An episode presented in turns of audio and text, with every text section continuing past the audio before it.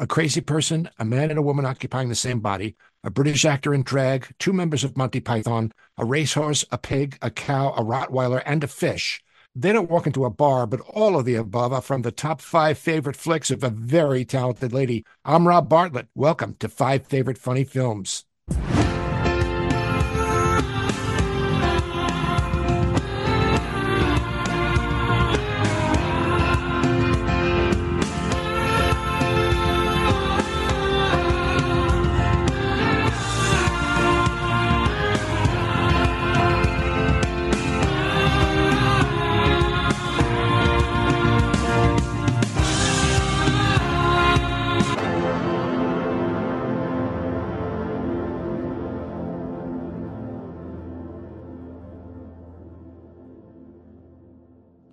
My guest this week is a dear, dear friend, more like a little sister, really. And she's got one of the most impressive resumes you'll ever come across. She's got 50 years of experience on Broadway, national and international tours as a wardrobe supervisor and star dresser, and was the official costumer for Kiss. She's an actor, graduate of the Neighborhood Playhouse School, and she's been trained by no less than Herbert Berghof and Uta Hagen.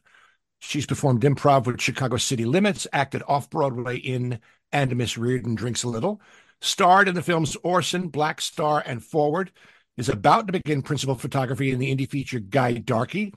And if that wasn't enough, she is a brutally funny stand up comedian, protege of a true comic star. And for years, she was the house MC at the cabaret at the Hourglass in New York City. Boys and girls, welcome to 4F, one of my favorite humans on the planet, Miss Pixie Esmond. Hello. How are you, Lubbock? Couldn't be better. Gorgeous. You have a great list. We've had some eclectic ones before, but this one is by far the most interesting of all of them. Before we start, you have two really great stories from the time when you were the costumer for Kiss. Would you please do me the honor of relating those stories? You don't mess with the wardrobe supervisor. You never piss off your supervisor. Gene Simmons was such a pain in the ass. He was always, always up my ass about something. Something was Mhm. always wrong. And he was always on a diet because he had holes cut out in the sides of his costume. And if he wasn't in shape, his fat would come out the holes inside the costume. He was really, really chapping my ass one week. So I started taking his costume in about a quarter inch at a time. I'd wash it, take it in, wash it, take it in, wash it, take it in, till finally he starts noticing, hey, Pixie, Pixie, this is getting really tight. And it is too, because that's coming out the side. Pixie, is this shrinking? Are you washing these in hot water? What is going on? I have no idea, Gene. Everybody else is fine. Must be you. Are you gaining weight? well, and then the other guys, of course, calling him fatty and poking at poking at the holes, the cutouts in his costume. So he said, All right, all right. And finally, it must be me. And he went on this drastic Atkins diet, at which point I took out every single stitch and let the whole costume hang on him after one day, one day of dieting. See, I told you. Don't make your wardrobe supervisor mad. He was just always grabbing you and yelling, always yelling at somebody about something.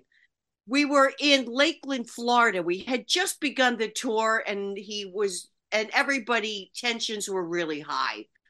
Rehearsals were very long and very hot, but he was being an special asshole he had these boots, the, the monster boots, and every day had to re glue and repaint the boots. Mhm. And they had little sharp angles on them and little spider eggs and spider veins. And I noticed that some of the sharp angles had the same shape as the fishing lure weights that I happened to have in my work box. So I gradually started gluing fishing weights on his boots. Pixie, these boots are getting heavy, are they? Huh. Must be the salt from the sweat. Really? Yes. Really? yes. That's exactly what it is. God damn, these are heavy. Yep, they sure are. Yep. Here we are. It's hot in Lakeland, Florida. I must have added 35 pounds to each foot. Uh, did he ever find out about these pranks? no. He He ever listens, if he listens to a podcast. So, you know the deal with this podcast. The idea is not to pick what you think are the best five, but your favorite five, the ones that, and the criteria we use. If you're at home watching TV, you're flipping through the channels, you stumble upon a movie, you have to stay to the end. It's what I call the Godfather effect. Whenever the Godfather is on, if I stumble across it, I got to watch it to the end. Which at one time, one of the channels was doing the saga, which was all three movies edited in chronological order.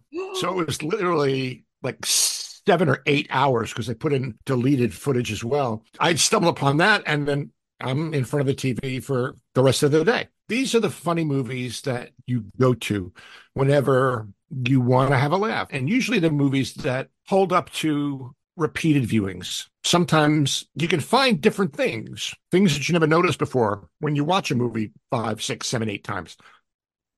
I maintain that you can tell a lot about people. Two things, two tests, personality tests. One is find out who their favorite Beatle is, and one is find out what their five favorite comedy movies are. And I think it's most interesting when funny people, yourself as a stand up comedian knows, they have very specific criteria for what they find funny. We all suffer from comedian's disease. You don't laugh out loud. You point and you go, yeah, that's funny. yeah. Uh, I wouldn't open with it, but that's funny. But these these must be the five movies that you can laugh out loud at. Yes. They tickle my funny bone for all different reasons. So where do you want to start? Let's start with the old stuff. How about Belles of St. Trinians? That's the oldest at 1954. That is a British comedy, Yes.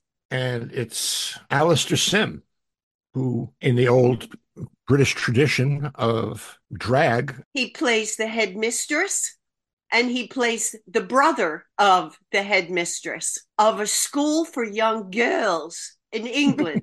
These girls are thugs. They smoke and drink. That's just a given. They don't just roll up their skirts, they get rid of their skirts entirely. And they're running around in little gym class shorts all rolled up and turtleneck shirts and pointy bras and they're about some of the girls are about 35 some of them are eight years old and seven years old and they're smoking and they steal a horse from a horse race. They have a bookie who lives in the bushes and he says i'm not a bookie i'm a go-between. It's slapstick. They have a rack. They build a rack and they torture. And this is 1954 so they didn't care about kids. When they have a hockey game and they just go out on the field with the hockey sticks raised and whack the girls down on top of the head and they're carrying them off on stretchers there are little five year olds carrying off adult women on these stretchers there's no complaining there's no crying in english movies little tiny girls it's wicked in terms of how politically incorrect it is. Most of my films are politically incorrect. well, I would expect no less coming from you. What's the, the basic story? The basic story is it's a girls' school that's out of money. So they have to get money by betting the school's money on the horse race, or the big horse race. hmm the half the girls in school kidnap want to kidnap the horse to make sure it runs in the race because it belongs to the uh, one of the new little boarding girls princess fatima and the other girls in the school are trying to find the horse because they're trying to rig the race so they're two factions against each other and they have the horse boarded up on the third floor and they have an enormous fight in the building they kidnap the horse so they can rig the race. And it's about getting the horse back. and the horse is upstairs. So they have to lower the horse out the window. There's horse shit in the building. There's the bookie in the bushes. It's just delicious in terms of its silliness. That quality, the whole concept of silliness, seems to be a theme. Most of the five favorites that people choose, there are silly centers to each one of these films. It's just laughs for the sake of laughs. Now, there are other laughs that come out of it. There are laughs that come out of character, laughs that come out of situation, actual written jokes, etc., etc. But it's almost like the feel of the whole picture is just being silly. And if anybody can do silly, it's the British. Absolutely. What is it about British comedy that you find so appealing? It's dry. I was raised on it. That's why these English movies mean so much to me. My father would watch after Johnny Carson would watch English films English war movies and anything English because he was stationed there during World War II. So these had a real connection for him. And he would laugh, he would giggle during these movies. And if you were lucky, you got to stay up late. You'd get up late, go to the bathroom, and you hear daddy giggling in the middle uh-huh. of the room and go in and sit with him and laugh through these movies. So I learned that their subversion is funny. When the nine year old says to the seven year old, Don't you know anything about horse racing? You should at your age. Nine year old to a seven year old. That's delicious. Perfect. The fourth form are really quite amazingly advanced in their chemistry. Shall we see what they're up to? Hmm? Bessie, you will be careful of that nitroglycerin, won't you, Pet? Yes, Miss Fritton. Yes, it's, uh, it's got something. I don't quite know what, but send a few bottles up to my room. Whatever it is, it'll do for the old girls' reunion. Come along now, Miss Crawley. You must tear yourself away. We've lots more to see, you know. well, practical things like chemistry prove such a natural outlet, I always think.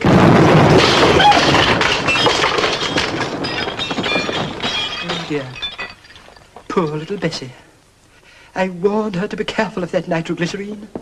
I find that British humor is very clever. As you say, dry. Although, you know, you look at Benny Hill, Benny Hill is not exactly what you would call dry. It seems like there's a mix. Yes. You have Monty Python, you have Benny Hill, you have Eddie Izzard and Ricky Gervais. All very, very different, but all really laugh out loud funny.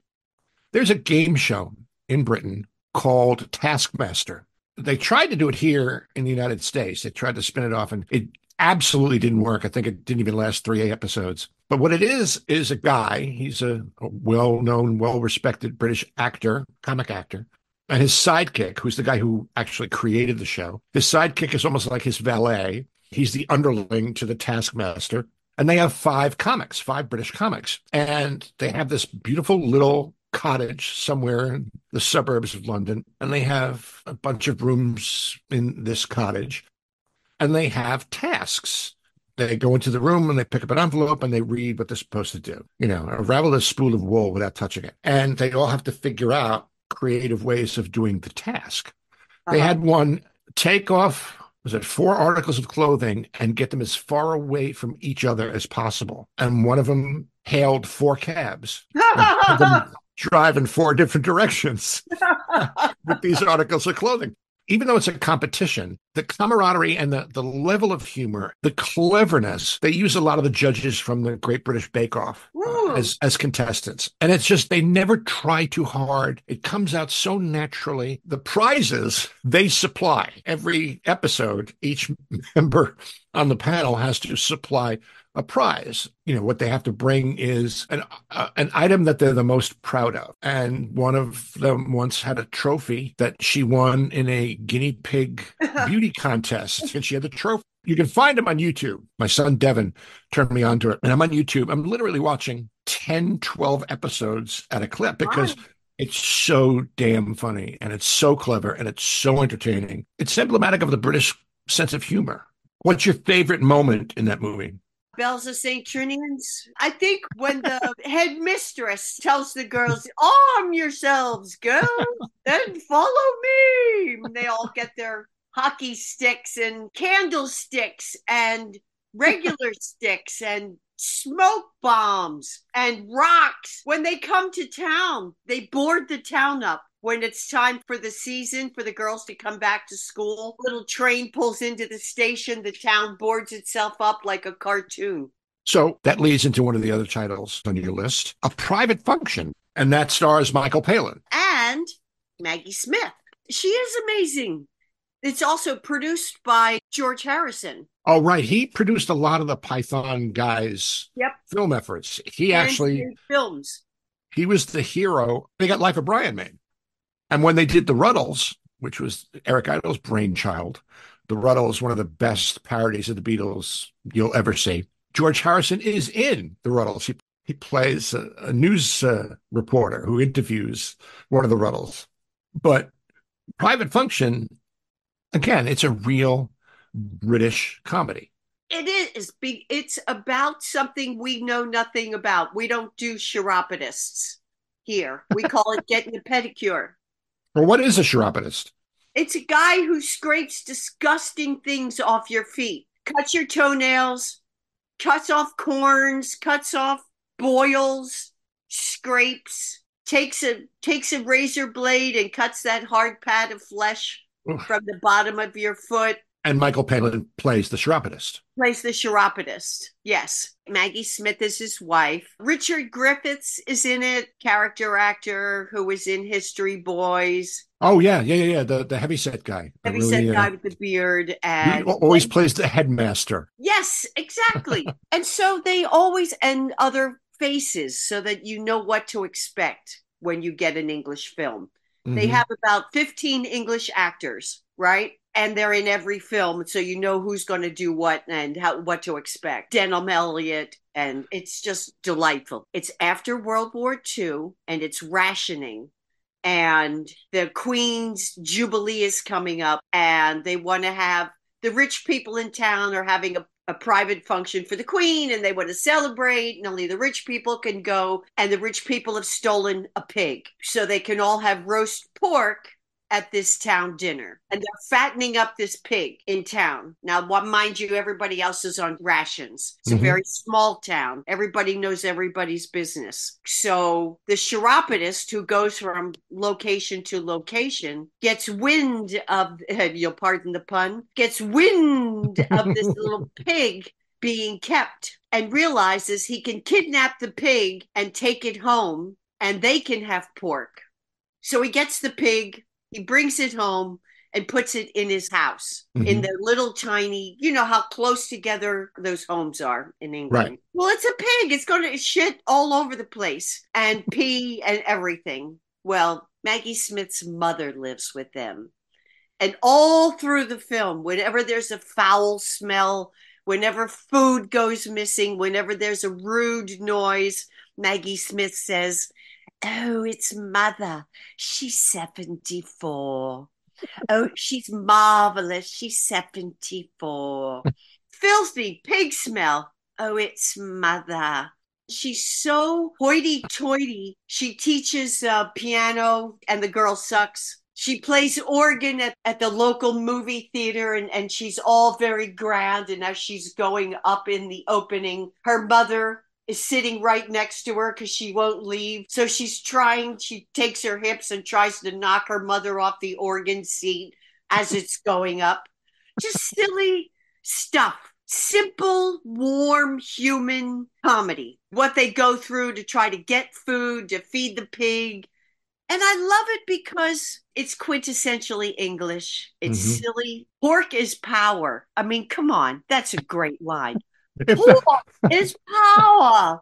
There's small details of physicality. And as you said, they have all these great lines and they're just throwaway lines. My father had a chain of dry cleaners. We regularly used to take wine with the meal, as mother well knows, telling us what we can and we can't do. My father wore a carnation in his buttonhole every day of his life. I want a future that will live up to my past. But when's it going to start? That's what I want to know. Pork royale. If you want roast pork, you can have roast pork. You can have it next Sunday if you want. And the Sunday after that. And the Monday and the Tuesday. If You can have pork till you're blue in the face. You can be fed up of pork. Pork royale. And you, you can have bacon, ham, sausage, pork pies, tripe, pig's feet, liver, kidneys. I mean it. We could. We can. How? How? Steal a pig. What did you say? Nothing.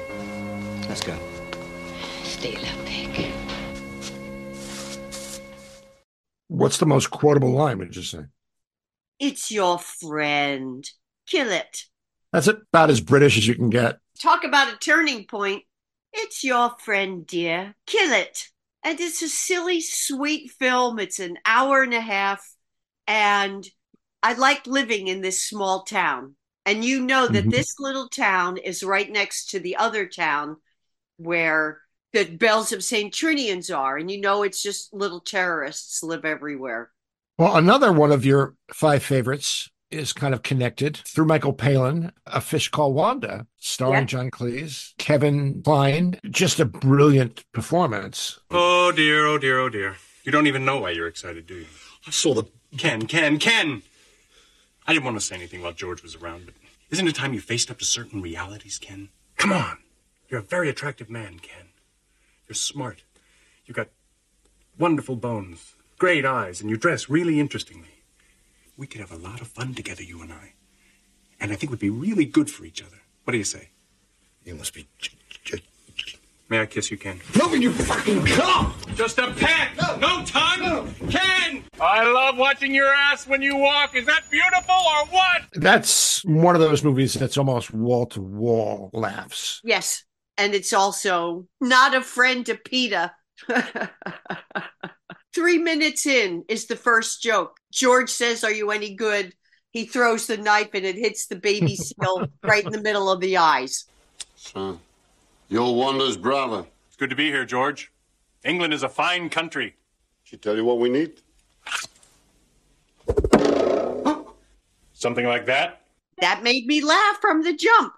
John Cleese, for me, has always been the funniest of of the Pythons. I think because of his size, he's so tall and Yeah. he's got that air of politeness and stiff upper lip. And then when things happen to him, of course, it's the Peter principle. Anything that could possibly go wrong for him does, in fact, go wrong, like Fawlty Towers, which is one of the greatest TV shows ever made. He owns this little B and B in the British countryside, and everything that can possibly go wrong goes wrong. His waiter and Manuel, Manuel. Oh, who he beats on mercilessly. oh, unbelievably. And it's also the asides, too. He'll toss out an aside as though it's nothing. And it's always so perfectly timed at that particular moment.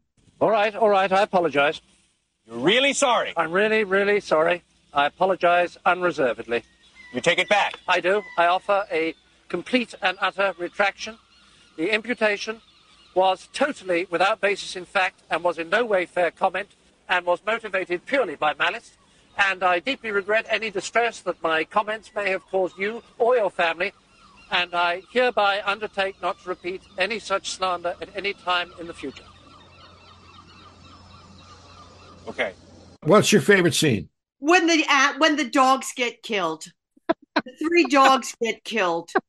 I saw it in the movie theater and i fell out of my chair. I cheered because it never happens. It always kills the person. Cheered when the dogs got killed. And it's so politically incorrect Oh, absolutely. michael palin in blackface as a rastafarian cab driver hits the dog with a cab and then the, the third one he gets hit with the chunk of cement The idea of an animal lover, like a really obsessively devoted animal lover, as hard as he tries to protect these animals, he winds up killing every one of them that he tries to save. That is the quintessential example of British comedy. That subversion, I think, is why it's as funny as it is. We laugh because we can't believe they went there. right It's like Mel Brooks. We we discuss Mel Brooks almost every single episode, obviously because of his place in the pantheon of comedy, but because he is a guy who gets away with it. Why do you think that people like him and the British get away with these crossing the line kinds of comedy? I think because they do it with a wink and a nod, it almost feels like a teenage boy. What can I get away with? There's an innocence to them Yeah, that's so interesting. It's like, and how do you kill dogs innocently? You know, it's like somehow over- they pull it off. You have to overkill the dog. Oh yeah, exactly. It has to be over the top. Yep. If you shot it, that would not be funny. You're absolutely right. And it's also because the laugh does not come from the death of the animal. The laugh comes from Michael Palin's reaction as this animal lover, the horror of the idea that he is responsible for these deaths. And then the scene, he's got this aquarium with all these rare, beautiful saltwater fish in this tank. And he, he literally just takes these fish one by one out of the tank and eats them raw in front of Michael Palin. And it, the scene just builds. Every time you think it can't go any further, it keeps going. It just, and they just up the stakes. Cleese wrote this and co-directed it. Oh, I didn't know he co-directed it. Yeah, with a man named Charles Crichton, who I don't Okay. know. So I wonder, uh, does that help also? It absolutely helps, especially if you're writing the screenplay and you're acting in it. You're very clear as to what the tone should be. And so knowing what it is that you want to commit to film, knowing how things should look and feel and the timing of it all, the way that it's shot, I can guarantee you that he had all this in his head as he was writing it. And so to be there and help the director, or at least assure that the director found all these things that he was trying to achieve with the screenplay, the ultimate rewatchable movie. You know your problem? You don't like winners. Winners like North Vietnam? Shut up! We did not lose Vietnam. It was a tie. I'm telling you, baby, they kicked a little ass there. Boy, they whooped your hide real good. No, they didn't. Oh, Oh, no, they didn't. oh yes, they did. Oh, no, they didn't. Shut up! So we're we're in the 1980s. Steve Martin, and you chose All of me. first time that title has been. Really? Mm-hmm. Well, it's also the first time any of the ones that you've picked were chosen. I have to say, I wasn't kidding when I said it was the most eclectic. When you look at it, his physical comedy is superior. His Oh, yeah. physical comedy is Buster Keaton like, Charlie Chaplin like. That's a great observation. Because I just watched it again. The two of them, she's in his body You're referring to Lily To Tomlin. Lily Tomlin. Tomlin dies and her spirit goes into Steve Martin's body. And so one half of his body is male and the other half is female. And how he controls that, whether it's in the bathroom trying to pee. So that's a, a typical bit you'd expect, but it's well handled. Uh, pun intended. You'll have to do it. I'll have to do what? You know, take it out. Take what out? The little fireman. The little fireman? You know, my penis! How dare you say penis to a dead person? Listen, lady, if you don't give Big Ed some air, he's gonna piss all over your half of my body.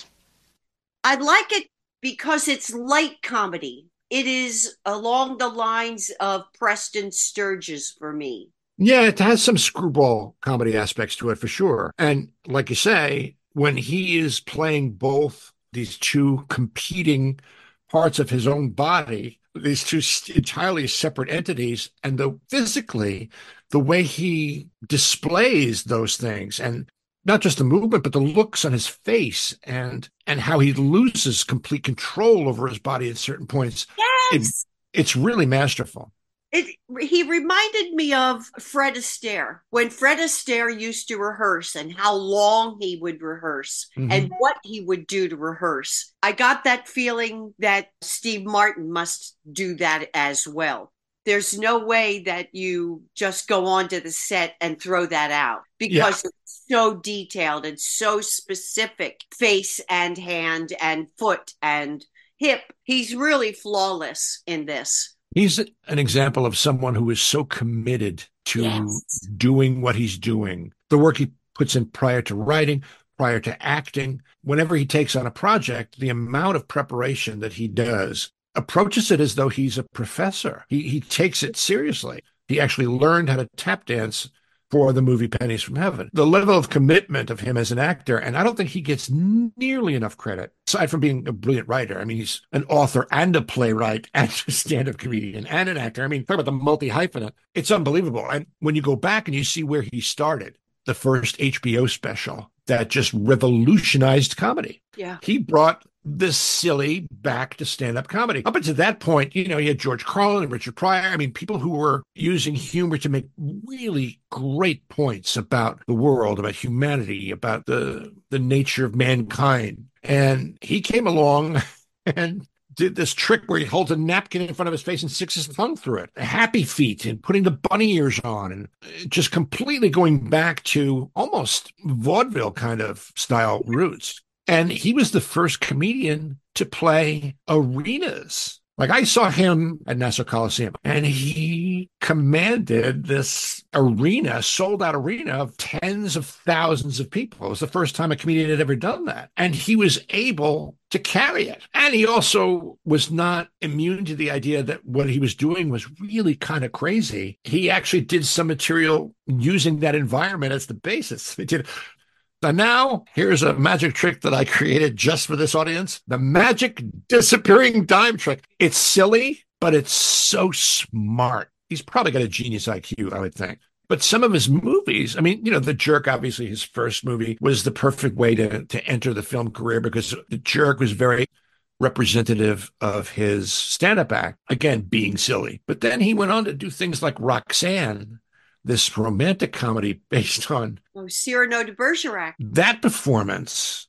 And I think he also wrote that as well. That really beautiful, beautiful performance, very subtle. Didn't get nominated. LA Story is such a Smart movie. really smart and very kind of magical. It's a romantic comedy, but it's brutal in the way that it satirizes LA and Hollywood culture. You know, the idea of these coffees that cost $16 a cup and going to a restaurant called Lady O. And when you look at the menu, it's L apostrophe I D I O T. So it's La Idiot. That Nouvelle cuisine where he gets like a like one shrimp on a plate. You know, that's all that stuff is great, but then it's like this magical love story and the whole idea of being in love and how magic that can be, how there are other forces at work. Like he's he's driving to his job as a weatherman, a TV weatherman. And the, the signs on the 101, the little flashing signs that they put up, are giving him messages. All that stuff. And it comes from this guy who was originally known as like this silly stand up comedian. And then you see the stuff that he does. All of me, that's a primer in acting. That is just so specific and so real. And of course, she's no slouch. I mean, Lily Tomlin is And for half of the film, she's inside him. She's not out of him, but for half of the film. So that's Right. really interesting. She Mhm. gets to act from the waist up for half the film. very true. Very true. Very, very real. What would be your favorite Steve Martin movie? Would that be your favorite? no, Shop Girl. Because that's not a comedy. I liked the book, Mhm. and then I liked the film. That's a really tough book and a tough movie Yeah. because he plays this awful human being. Yeah. awful, awful human being. And of course, it's Claire Danes, and she's the last person you want to see bad things happen to. He strikes up a relationship with her, but he's just such an awful human being, which is another testament to how great an actor he is. He can play silly and stupid, he can play really likable, although flawed. He's the real deal. Do you watch Only Murders in the Building? I've I've seen half of them. This past season, I really liked because it took place around the theater. They were mounting a, a Broadway musical that Martin Short was directing, and Steve Martin was starring in, along with Meryl Streep, who, by the way, can be really funny.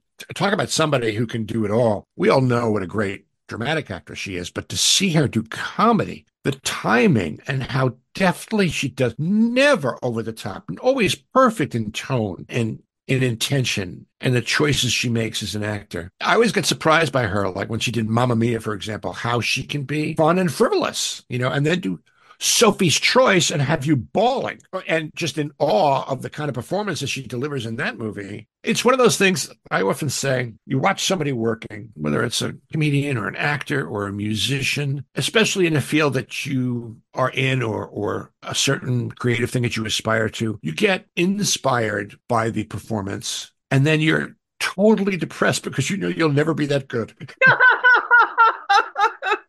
it's the double-edged sword, you know. It's like, oh my god, this is great. Oh shit, fuck, I'm never going to be like that. But Steve Martin is the same way, you know. I mean, he was very influential for me when I started doing stand-up because he created a different style of comedy. It wasn't the, the Lenny Bruce, Richard Pryor, George Carlin style where it was about something. It was just for the sake of the laugh you know, and you couple him with Robin Williams and the stuff that Robin Williams did, you know, or as I like to refer to Robin Williams as Jonathan Winters Light. I mean, those two really inspired me to try stand up because they were also actors. You know, I wanted to get into acting, and I figured stand up was the easiest way of getting into acting because that's how both of them got to be actors was through stand up. Have you ever seen Steve Martin live? Not live, no. People dress up, you know, people showed up with arrows through their head. I regret to say this, but you know, I was young. I was 22. I um when my friend Steve and I went to see Steve Martin at Nassau Coliseum, and we both dressed up as the Festrunk Brothers from SNL, the Wild and Crazy. Guys. We we got floor seats. I don't know how we were able to get floor seats, but we walked into Nassau Coliseum, and of course, this is like a, an eight mile stairway. You have to go down in order to get to the floor seats. And we were in, you know, the Wild and Crazy Guy outfits with the hats and the paisley shirts and the really tight polyester pants. And we were doing the whole, you know, the thing with the Yes. and somebody in the lighting crew put a spotlight on us and followed us all the way down to the floor. And the entire Nassau Coliseum was cheering us as we went to our seats. A really great moment. But but that's how popular Steve Martin was. That's how huge his name was at that time. He just exploded. And again, when I go back to what I said before about him being so dedicated towards putting in the work prior, when he would do Saturday Night Live, he'd show up with stuff already written. He would he would do the preparation, and that's why all the episodes where he's the host on SNL are Yeah. some of the greatest episodes that they've ever shot because he took the appearance so seriously and spent the time to create the material that was going to be done in the show. Then they must be episodes that have an actual beginning, a middle, and an end. That's my biggest complaint about SNL is the fact that no sketch has an ending. No, they don't know how to end a sketch. And, you know, Monty Python, I think, invented the concept of drop the cow, although it's kind of a laugh in technique too, where it's like get the laugh and get out. Yep. Monty Python, drop the cow, and now for something completely different. You move to something else. But SNL, it's very, but it's usually because the laugh when they drop the cow or whatever the abrupt ending is works and it's funny. I can't tell you how many times I sit there and I can't believe these sketches just peter out. They do all the time. They do. I, I'm very. I don't watch it for that reason. It they exhaust me. That's such a great way of putting it. Going back to silly. A Zucker Brothers movie that isn't Kentucky Fried Movie or Airplane. Airplane has been chosen almost every single time, and for good reason. It's literally wall to wall laughs. And as you say before, it's all the different kinds of laughs. It's wordplay, it's visual jokes, it's non sequitur. But you chose Top Secret.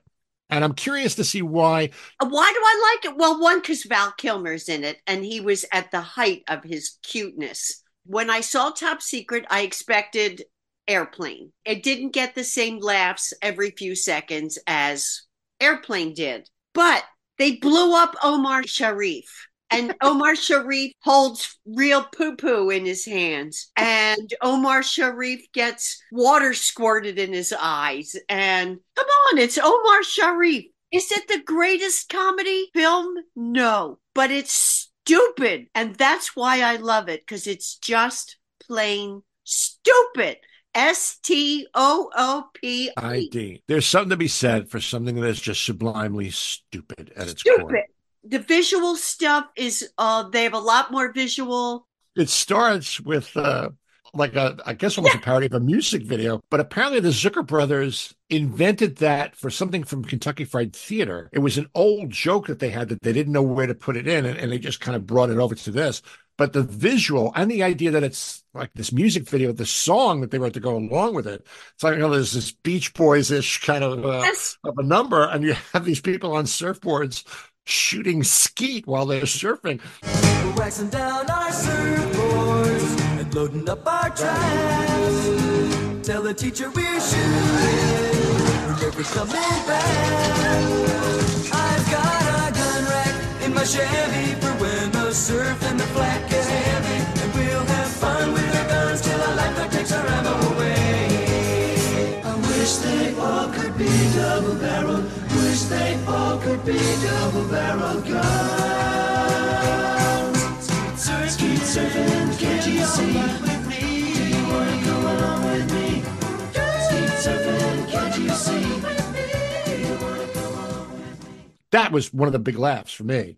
Professor held by Nazis. Mhm. Nazis have concentration camp. Good guy.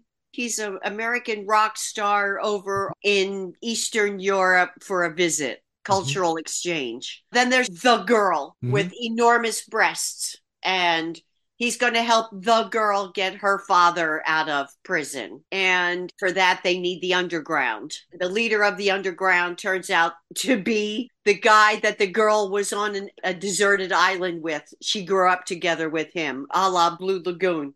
She is normal, but he's running around in a thong and oiled skin and blonde hair and a shell necklace in the middle of Nazi Germany. I like the names, as silly as it is, the names of the guys who are in the resistance. Chocolat mousse. Deja vu. Ah, I have seen you before, my love. Just silly, silly, stupid things. They break into the Nazi concentration camp in a fake cow costume, and a bull stoops the cow from behind, and the guy likes it. It's just stupid. Nick Rivers goes to the ballet as called part of the cultural exchange. And they're doing Nutcracker Suite. And all of the men and the ballet have enormous packages. And the ballerina is stepping on package to package to package. I love that. Well, it's a parody too of like the the Elvis Presley movies. Kid Galahad, Viva Las Vegas, you name it. Sticking a musical number in the most obnoxious places. In the Elvis movie, it's almost like, ah, and now it's time for Elvis. Eddie Murphy does a great bit. El- Elvis, what are you drinking? You drinking lemonade? Lemonade, a cool, refreshing drink. Val Yeah. Kilmer is great. I'm not the first guy who fell in love with a girl he met in a restaurant who then turned out to be the daughter of a kidnapped scientist, only to lose her to a childhood lover who she'd last seen on a deserted island and who turned out 15 years later to be the leader of the French underground. I know it. It all sounds like some bad movie. Okay, gun to your head. You can Uh-oh. only you can only pick one. Belles of St. Trinian's. It's just chock full of wrongness. I mean, I Uh-huh. went to a Catholic grade school and then a girls' high school. It reminds me of St. Matthias, where I went. T- tell me about this uh this movie you're about to start. It's called The Guy Darky. The director is from Ghana. He's written a story about a young man from Ghana who Mhm. falls in love with a white girl from the United States. It's a beautiful love story, but her parents don't want her to go out with him. The parents, air quotes, only want the best for her. Okay. Translation, he's black and they don't want all the troubles that they feel she'll go through Right. if she dates a young black man. Her ex boyfriend kidnaps her because he's furious. He's a racist, real racist. And he and his friends kidnap her and hold her for ransom. And they blame it on the young man who is called the guy Darky. How do you see that in terms of where we are now in the world? You know, because obviously you're a stand up. You know, are there things that you won't say or, or topics you won't address because of the current zeitgeist, to use a Jeopardy word? Yeah. Uh, no, it's a comedian's job to hold up a mirror. And then it's also up to you as a comedian to be smart about it, not to say naughty words just for the sake of saying naughty words or Mhm. saying something shocking just because it's shocking. There has to be a point of view about it. Censorship, we get it. We hear what you're saying. Thank you very much for playing, but we're not playing your game. These are the people who write comedy, and you can't tell them how to think or what to think or what to write. It's freedom of expression. What is your favorite bit from your act? Probably incest. Well, you can't leave it just at that. Nope, you got to come see it. Do you still use that one line, the one that used to be Yep. your opening line? Well, if you've never seen Pixie Esmond live, boys and girls, I implore you to visit the New York comedy clubs, uh, look her up because when I say she's brutally funny, this is the reason why, because she actually has a bit about incest. So if you can make that funny, you can make anything funny. And It's been great getting an insight into what you find funny, and the and the movies that you chose are all very, very interesting and informative. And I think I think we've learned a lot, boys and girls. We've learned a lot about cinema history. We've learned a lot about comedy, and most of all, we've learned a lot about Pixie Esmond. This was great. Thanks so much for doing this. Do you have any anything other than the movie coming up? I have an audition this afternoon to play the judge in the Aaron Hernandez murder trial. It's a mini series that they're doing. It's called it's Gladiator Sports, and it's a, a ten part series. Cool. And uh, I'm up for the judge, Awesome. so I Well- do that this afternoon. Break a leg, as they say. Thank you. Pixie Esmond, everybody. Thanks, love. Thanks, Rob. Five Favorite Funny Films is a Babyhead production, written, produced, and edited by me, Rob Bartlett. The 4F theme song composed by Gary Grant. Mr. Bartlett's wardrobe provided by Botany 500. Our show was taped live in Cleveland, except for the parts not taped in Cleveland, in front of a non existent studio audience. No animals were harmed in the recording of this podcast. We'll see you again on the next Five Favorite Funny Films. Until then, be kind to each other, won't you?